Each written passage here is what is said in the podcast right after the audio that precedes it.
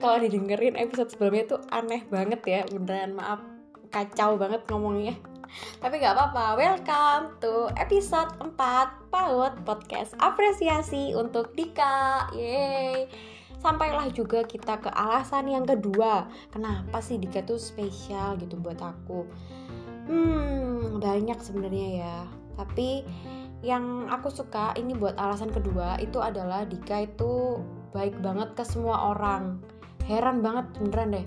Kayak hmm aku belum pernah melihatmu tuh membenci orang gitu. Gimana resepnya? Tolong ajarkan. Ya kamu tuh mesti baik gitu loh ke semua orang. Kayak kamu selalu ready buat menolong semua orang gitu. Keren aja. Kan eh nggak keren aja keren banget.